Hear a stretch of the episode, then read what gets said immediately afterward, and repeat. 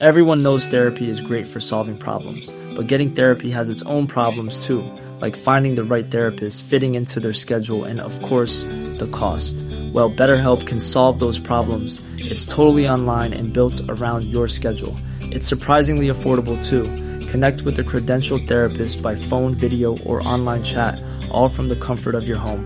Visit betterhelp.com to learn more and save 10% on your first month. That's BetterHelp, H E L P.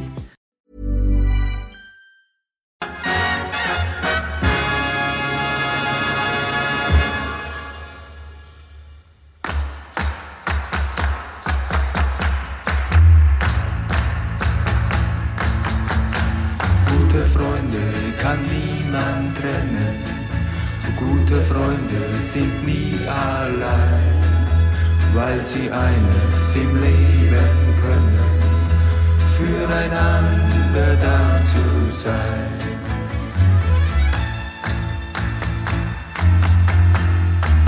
Lasst uns nicht lange reden, wir tun, was uns gefällt. Einmal fünf Mark für jeden, das ist doch Gute Freunde, wie wir uns nennen, ja, die sind sich so eins wie nie. Välkommen, välkommen till ett nytt avsnitt av Stamplats. Mm, jag är faktiskt ensam här just nu. Men ni kommer få höra Philips röst senare i det här avsnittet. Vi fick inte riktigt till det, att kunna prata med varandra samtidigt. Men vi vill ju leverera det senaste från tyska fotbollen, så vi kommer ju med ett avsnitt som är lite specialbyggt. Vi har gjort det här, det här tidigare en gång, minns jag. Att Simon kommer med en rapport och jag kommer med en rapport. Och vi har gjort den enkla uppdelningen som känns så naturlig som bara den att jag kommer prata om det senaste kring Bundesliga och Filip kommer prata om det levande helvetet som vi kallar så fint. Zweite Bundesliga. Och där kommer Filip prata om HSV, han kommer prata om eh, statusen i, i kampen av avancemang och allt därtill. För det är ju så att Zweite Bundesliga drar igång den här helgen för första gången efter då vinteruppehållet. De hade lite längre uppehåll nu. Men eh, mer om det senare med Filip och nu mer kring Bundesliga. För där har det ju hänt en hel del. Vi hade en omgång förra helgen och där bjöds vi ju på en hel del minst sagt starka resultat som kan definiera säsongen på många sätt och vis. Vi kan ju bara för protokollets skull. Bayern München körde 3-0 mot Hoffenheim. Mm, det var inte så imponerande som kanske siffrorna säger. De som var imponerande var ju framförallt Musiala och Sané. Bakåt var ju Neuer som var den stora hjälten för Bayerns del, för Hoffenheim hade ett par rejäla chanser. Han fick verkligen visa sin eh, världsklassstjärna där, Manu Neuer. Däremot fick vi se på en riktig pangsmäll i lördags när RB Leipzig tog emot Eintracht Frankfurt, Hugo Larssons Eintracht Frankfurt. Och den matchen slutade 0-1 till gästerna. Det var Knauf, den före detta BVB-spelaren, som stod för målet. Och den här smällen betyder ju att eh, RB Leipzig i dagsläget, ja, de ligger fortfarande på en fjärde plats men bara tre poäng för eh, Borussia Dortmund. För Borussia Dortmund i sin tur vann sin match mot Darmstadt med 3-0 på bortaplan. Ja, 3-0 låter ju trevligt och så om vi bara hoppar till den matchen. Men eh, prestationen kan defin definitivt ifrågasättas. Det var ett stelt Dortmund som har mycket problem fortfarande. Men de kan i alla fall glädja sig åt att deras Jadon Sancho, inlånade Jadon Sancho från Manchester United, har kommit och gjort en impact direkt. Han byttes in tillsammans med sin gode vän Marco Reus och tillsammans stod de också för ett mål när Sancho spelade fram till just Reus. Men dessförinnan fick vi se på en riktig rysare när Augsburg, FC Augsburg stod emot ligaledarna Bayer Leverkusen väldigt länge. Alltså i princip så länge det nästintill går. Men i den 94 minuten, i matchens sista spark, stod då världsmästaren Palacios för målet som betydde att Bayer Leverkusen vann matchen med 1-0. En seger som förmodligen kommer ses tillbaka till om man nu tar ligan som eh, bland annat jag tror faktiskt. För att hur Bayer Leverkusen stod emot där och hur de också uppträdde tyckte jag var eh, verkligen anmärkningsvärt. Vanligtvis blir det ju lätt så att det blir lite panik. Eh, man gör konstiga drag, men jag tycker Xabi Alonso visade lugnet. Han litade på sin uppställning, han litade på sina sina taktiska justeringar och lät det verkligen gå ut till det sista. Kunde självklart gått åt helvete om man inte hade tagit den här segern, men det gjorde det inte. Återigen visade Bayer Leverkusen att de är att räkna med den här säsongen. Eh, andra noterbara segrar eller förluster är ju bland annat att Gladbach vann med 3-1 mot Stuttgart. Succélaget från i höstas fick en tung start nu den här så kallade vårsäsongen. Och Bremen spelar 1-1 mot Bochum. Köln 1-1 mot Heidenheim. Mainz 1-1 mot Wolfsburg. Och Freiburg 0-0 mot Union. Ja, ni hör. Mycket kryss, mycket delade poäng. Men det känns lite som att alla var lite fortfarande vintertrötta och inte riktigt hade kommit in i ja, maskineriet. Till vardagen enkelt sagt. Om man ser till den här helgen som kommer då. Där lär det nog ske en hel del kan jag tänka mig. Det blir ingen fredagsmatch. Den är tyvärr flyttad på grund av väderförhållande. Det är Mainz Union som skulle ha spelat. Union har då två flyttade matcher den här säsongen. Det är tufft för dem. De har ju också den här matchen flyttad mot Bayern München efter väderkaoset i München. Däremot har vi ett par riktigt intressanta tillställningar på lördagen. Vi har ju bland annat FC Köln mot Dortmund. Ett krisande Köln som försöker på något sätt klamra sig kvar i Bundesliga. Eh, mycket talar emot dem, men eh, de ställs i alla fall mot Köln, eh, ställs mot Dortmund, förlåt mig. Och det här Dortmund som jag nämnde tidigare, de har ju problem. De har ju gjort ett par förändringar nu. Vi har varit inne på det tidigare. Nuri Sahin och Sven Benner har kommit in i Dortmund. Nuri Sahi ska vara ansvarig för det offensiva spelet och, och ja, enkelt sagt vara den som säger hur man ska spela upp och ge de direktiven på träningarna. Samtidigt är Sven Benne för det defensiva och med det disciplinära. Och sen är ju Edin Terzic fortfarande huvudtränare. Men eh, det viskas i korridorerna i Dortmund att det är Nouri Sahin som kommer ta över efter Edin Terzic så småningom. Och eh, ser man på träningarna som Dortmund har så är det Nori som hörs tydligast. Det är han som ger tydligast direktiv. Så mm, vi får se hur det blir där i framtiden med, med Dortmund och deras tränare. Vi kan också eh, säga att eh, RB Leipzig tar emot ligaledarna Bayer Leverkusen. Alltså två tunga matcher efter varandra har de. Första Eintracht förra helgen där de förlorade på hemmaplan och nu tar de emot Bayer Leverkusen.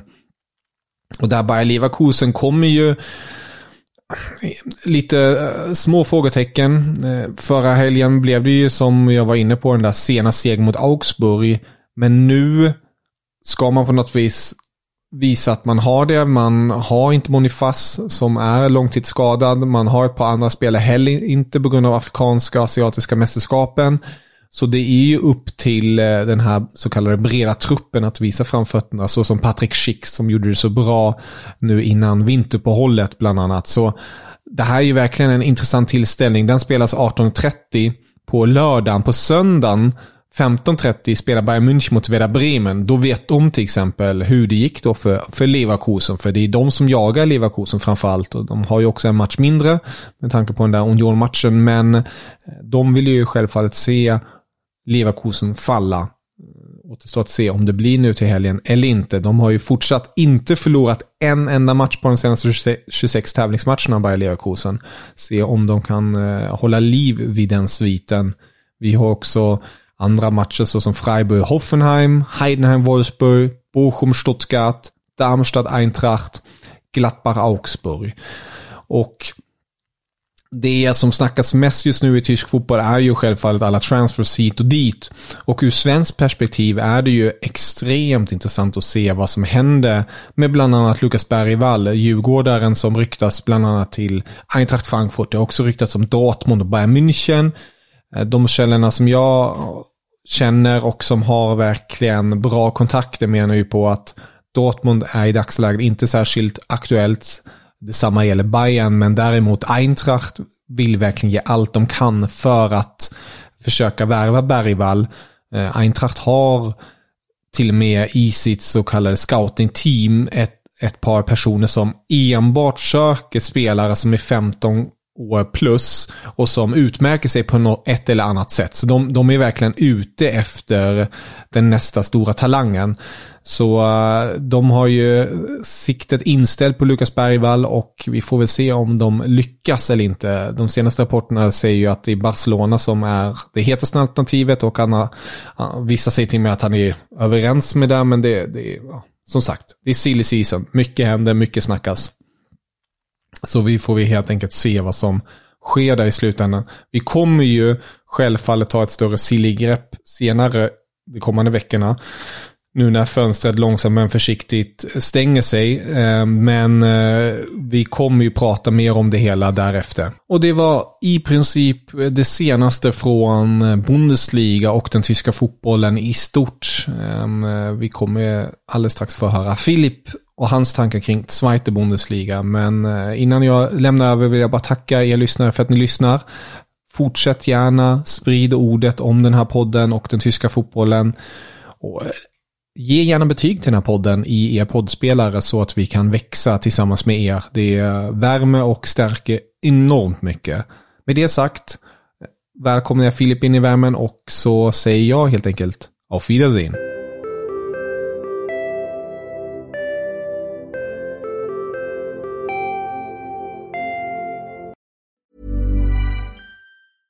A lot can happen in the next three years. Like a chatbot may be your new best friend. But what won't change? Needing health insurance. United Healthcare Tri Term Medical Plans are available for these changing times.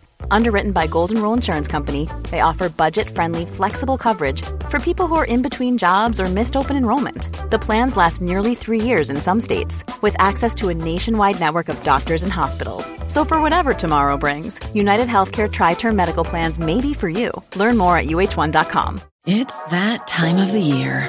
Your vacation is coming up.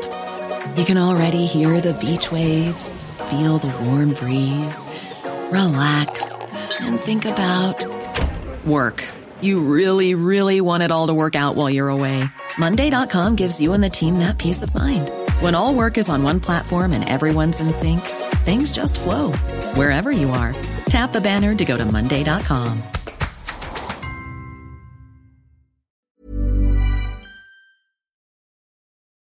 Mm. Alltså, jag sitter ju här i min ensamhet eh, och ska prata lite tysk fotboll hade jag tänkt eftersom att jag och Kevin inte får ihop det den här veckan så att då blir vi så illa tvungna att sitta var för sig. Eh, och det känns som att vi har gjort det någon gång tidigare också.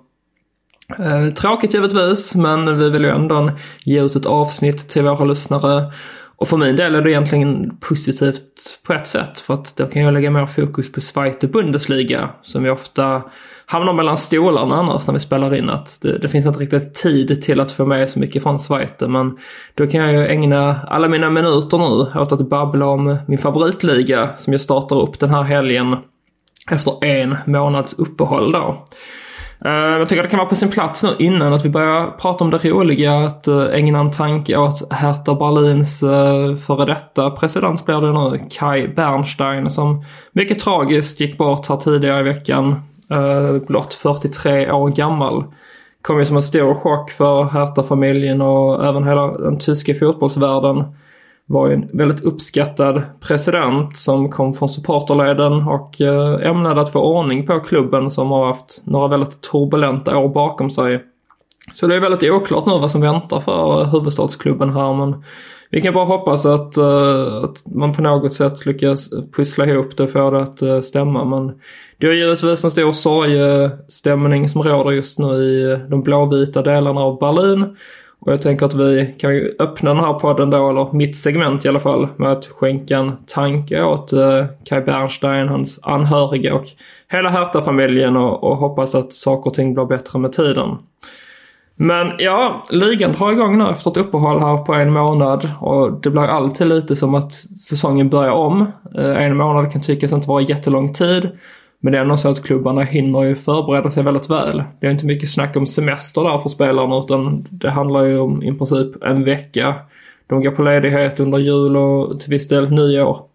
Och sen har då de flesta klubbarna i alla fall varit igång sedan början av januari här, varit på träningsläger, många som har åkt till Spanien, några till Portugal och en del har fått stanna hemma för att resurserna inte har räckt till. Men de har haft tid att förbereda sig och, och slipa på, på det som inte har fungerat och försökt förbättra det som redan är bra. Så att nu när halva säsongen har gått så tror jag att vi kommer få se ganska många förändringar här i tabellen. I dagsläget så har vi då Holstein Kiel, något överraskande på första plats. Eh, tätt följd av Sankt Pauli. Tredjeplatsen innehar HSV. Och sen där bakom har vi Fortuna Düsseldorf, Greuter Fürth, Paderborn, Hertha, Hannover och så då succé-nykomlingarna Elversberg på nionde plats. Uh, och det är väl som så, tänker jag, att det är väl främst Kiel, Pauli, HSV, Düsseldorf. Skulle kunna säga Fürth också utmana och sen Hertha, Hannover har också egentligen vad som krävs för att kunna ta sig högre upp i tabellen men har varit väldigt ojämna här under hösten. Men om jag ska tippa på vilka det är som, som tar sig upp som det ser ut i dagsläget. Så jag vill ju någonstans tro att HSV löser det. Nu blir det så att Tim Walter tyvärr blir kvar som tränare och det känner man inte helt trygg med. Men eh, det är upp till bevis verkligen här nu under början av vårsäsongen och se om man kan få ordning på framförallt bortaspelet för där har det sett bedrövligt ut. Men får man det, eller om det blir så att eh, Walter får sparken här ganska så tidigt och om man eh, plockar in en kompetent tränare så kan det mycket väl bli det här året då HSV går upp till Bundesliga. Eh, St. Pauli och Kiel, ja de har också gjort det bra, absolut. Pauli har ju fortfarande inte förlorat en match och det är ju extremt imponerande. Men någonstans känns det ändå som att de inte kommer hålla i längden. De brukar ju alltid ha ena halvan av säsongen där de antingen gör det riktigt bra eller riktigt dåligt och sen så är det precis tvärtom efter uppehållet.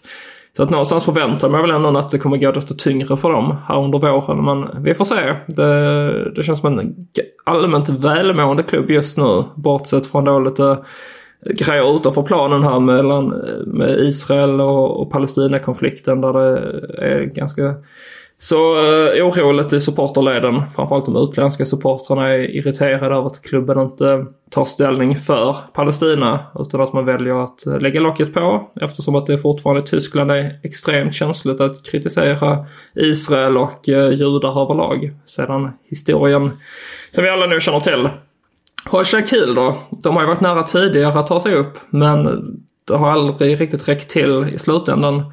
Och jag kan verkligen tänka mig att man kommer att inleda här ganska starkt under våren för att sedan bli nervösa och tappa och dala under sluttampen av säsongen. Så jag tror inte att det räcker hela vägen den här gången heller. Eh, det alla nu undrar är hur ska det gå för Schalke då, som just nu håller till i andra änden av tabellen. Man har haft en fruktansvärt dålig höst rent ut sagt. 20 poäng har man inkasserat, ligger just nu på 14 plats. Uh, blott tre poäng ovanför kvalstrecket. Har inte haft någon större aktivitet under övergångsfönstret så här långt. Men jag vill ju ändå tro att Schalke bör vara den klubben som gör bäst ifrån sig under våren. Uh, sett till hur man presterar under hösten. Så jag tror att man kommer klättra. Sen är det ju ändå att man ligger ju i dagsläget 11 poäng bakom HSV som innehar kvalplatsen. Och då 13 poäng bakom Pauli som uh, ligger på andra platsen. Så frågan är om man kan ta igen ett sådant uh, uh, med deras försprång då och, och Schalkes, uh, att man är på efterkälke. Men jag tror man kommer klättra, jag tror man kommer kunna utmana. Sen blir det nog väldigt jämnt där mot slutet av säsongen om man klarar det eller inte. Men som det står till dagsläget så skulle jag tippa HSV tvåa. Det gör det inför säsongen också. Sen tror jag att det blir något överraskningslag. Typ då Düsseldorf, Fürth, Hertha eventuellt. Egentligen inget överraskningslag men sett hur det sett ut. Under hösten här så bör man inte kunna knipa första platsen. Men kanske Paderborn, kanske Hannover. Men främst Fürth eller Düsseldorf skulle jag tro som tar första platsen. Och sen kanske Pauli får kvala, eller Schalke rent av. Känns väldigt öppet i dagsläget. Har svårt för att peka ut några solklara favoriter nu när vi inte har sett några matcher på, på nästan en månad. Men det blir väldigt spännande att följa. Och sen botten av tabellen, där har vi Osnabrück sist på 9 poäng. De kommer att åka ut, kan inte tänka mig någonting annat. Braunschweig ligger också på nedflyttningsplats. Känns inte som att de har jättemycket att, att hoppas på. Och så har vi Rostock på kvalplats, Kaiserslautern strax ovanför, sen då Schalke och även Magdeburg och Karlsruhe på 21 poäng på 12 platsen. Men Wiesbaden som är 11 tror jag kommer få det tufft här under våren. De överpresterade under hösten i mina ögon. Så de tror jag också kommer blanda sig in i bottenstriden. Så att kanske vi får se då Osnabrück, Braunschweig åka och sen Wiesbaden på kvalplatsen. Eh, det känns väl väldigt möjligt. Om vi ska ta en liten titt på hur det sett ut på övergångsfönstret så här långt så har vi ju några svenskbekantingar som har anslutit. Eh, främst då Sebastian Andersson, den tidigare eh, Union Berlin, Kaiserslautern och Köln-anfallaren som har hittat en ny klubb och det är Nürnberg som han har anslutit till efter att ha varit klubblös i ett halvår. Började med att han provtränade med en klubb, eh, följde med på deras träningsläger till Spanien, gjorde tillräckligt bra för att spela till sig ett kontrakt säsongen ut. Nu har han inte spelat fotboll på länge, för att även om han bara varit klubblös i ett halvår så är det väl nu närmare två år tror jag, sedan han senast spelade fotboll kontinuerligt. Så att det är väldigt svårt att veta vad han har att erbjuda men vi alla vet ju att han i grund och botten är en kompetent spelare. Så att jag tror att han kan göra mycket nytta för Nürnberg här förutsatt att han får hålla sig skadefri. Så det ska bli väldigt roligt att följa. Sen blev det även klart igår då i torsdags att Svein Aron Gudjonsson värvas in till Hansa Rostock ifrån Elfsborg. Uh, han har ju varit i Elfsborg ett tag tror jag. Har inte jättebra koll på svensk fotboll men vi ska säga här.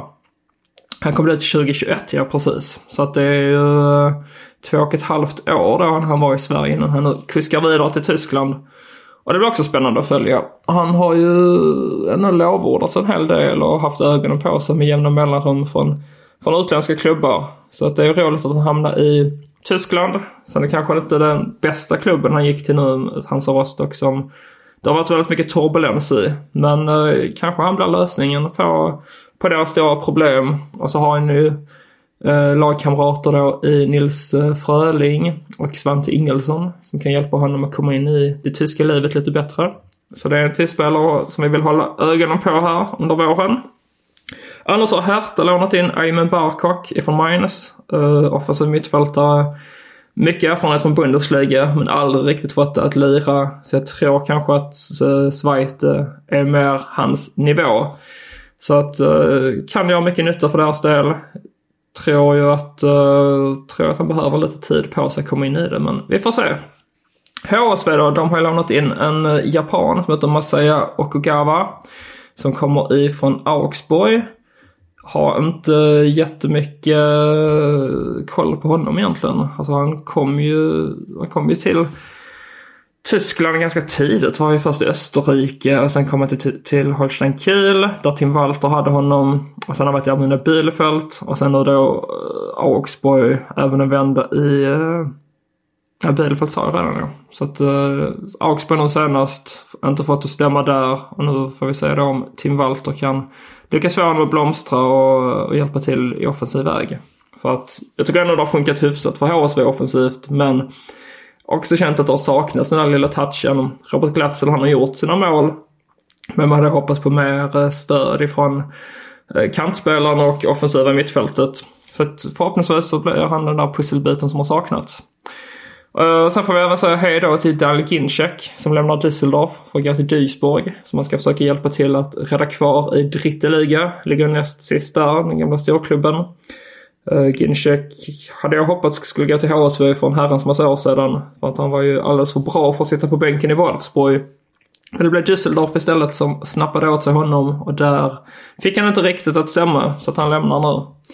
Annars är det ju en hel del rykten. Alltså brukar det vara. Nu har vi fortfarande nästan två veckor kvar innan fönstret stänger. Och främst i Schweiz tänker jag att det blir många lån mot slutet av fönstret. Många spelare främst från Bundesliga som inte får kontinuerligt med speltid som testar lyckan då i Schweiz. Så att mycket lär väl hända. Men några heta rykten är ju Marcel Hartel, St. Paulis succéoffensiv mittfältare som eh, ryktes vara på gång till Mönchengladbach. Har ju inte skrivits jättemycket om det på senare tid men det är ju helt klart så att Gladbach har ett intresse. Så vi får väl se om, om de får till en övergång där. Annars så är det ju en hel del klubbar, bland annat Frankfurt, som jagar Schalkes uh, eh, supertalang då med det knepiga namnet eh, uh, Udra Jag är inte jättebekväm med att uttala svåra namn som ni kanske vet. Men det är många klubbar som rycker honom. Sen tror jag inte att Schalke är jättesugna på att släppa honom nu mitt under säsongen. Men eh, senast i sommar har han ju varit minne blott i Gelsenkirchen. Filip Hoffman, Karlsruhes tidigare målspruta och älsklingsspelare hos fansen. Han ryktes vara på gång tillbaka från Bochum. Eh, det känns ju kanske som att det är precis den typen av spelare Karlsruhe behöver efter deras jobbiga höst. Så att den hoppas jag själv ska gå igenom. Dock eh, först efter att HSV har mött Karlsruhe, vilket vi gör nästa vecka. Så att det kan de vänta lite med att säkra, men annars så har det varit roligt att se Hoffman tillbaka på hemmaplan igen. Paderborns eh, Florent uh, Muslia, han ryktes vara på gång till Freiburg. Även några andra Bundesliga-klubbar vet jag som han har kopplat samman med, men det är väl främst Freiburg som, eh, som rycker honom. Känns som att det kommer att bli av innan fönstret stänger. Och sist men inte minst så har vi Jannik Keitel som eh, är på gång till HSV från just Freiburg.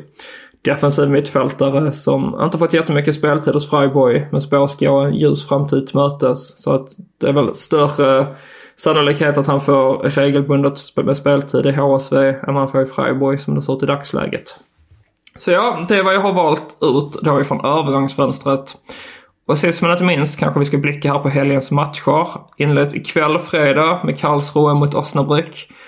Perfekt möjlighet för Karlsruhe att eh, kickstarta våren här på ett bra vis när man möter tabelljumbon på hemmaplan. Samtidigt är det Holstein Kiel mot Braunschweig. Kiel som sagt leder tabellen, Braunschweig näst sist. Bör vara tre enkla poäng för Kiel. Lördag eftermiddag inleds med St. Pauli mot Kaiserslautern, Nürnberg mot Hansa Rostock och Elversberg mot Hannover. Jag skulle väl säga att alla de tre matcherna är heta på sitt vis. Men man kan ju hålla ett extra öga kanske då på Nürnberg mot Hansa med tanke på att vi har Sebastian Andersson i Nürnberg. Och sen två svenskar i Hansa plus Gudjonsson då. Som eh, ska vara redo för spel direkt. På kvällen dock är ju omgångens hetaste tillställning. Och det är Schalke mot HSV. Eh, jag minns ju själv i alla fall premiärmatchen mellan Schalke och HSV i somras. Det slutade ju 5-3 till HSV efter en helt eh, fantastisk fotbollsmatch där precis allting hände.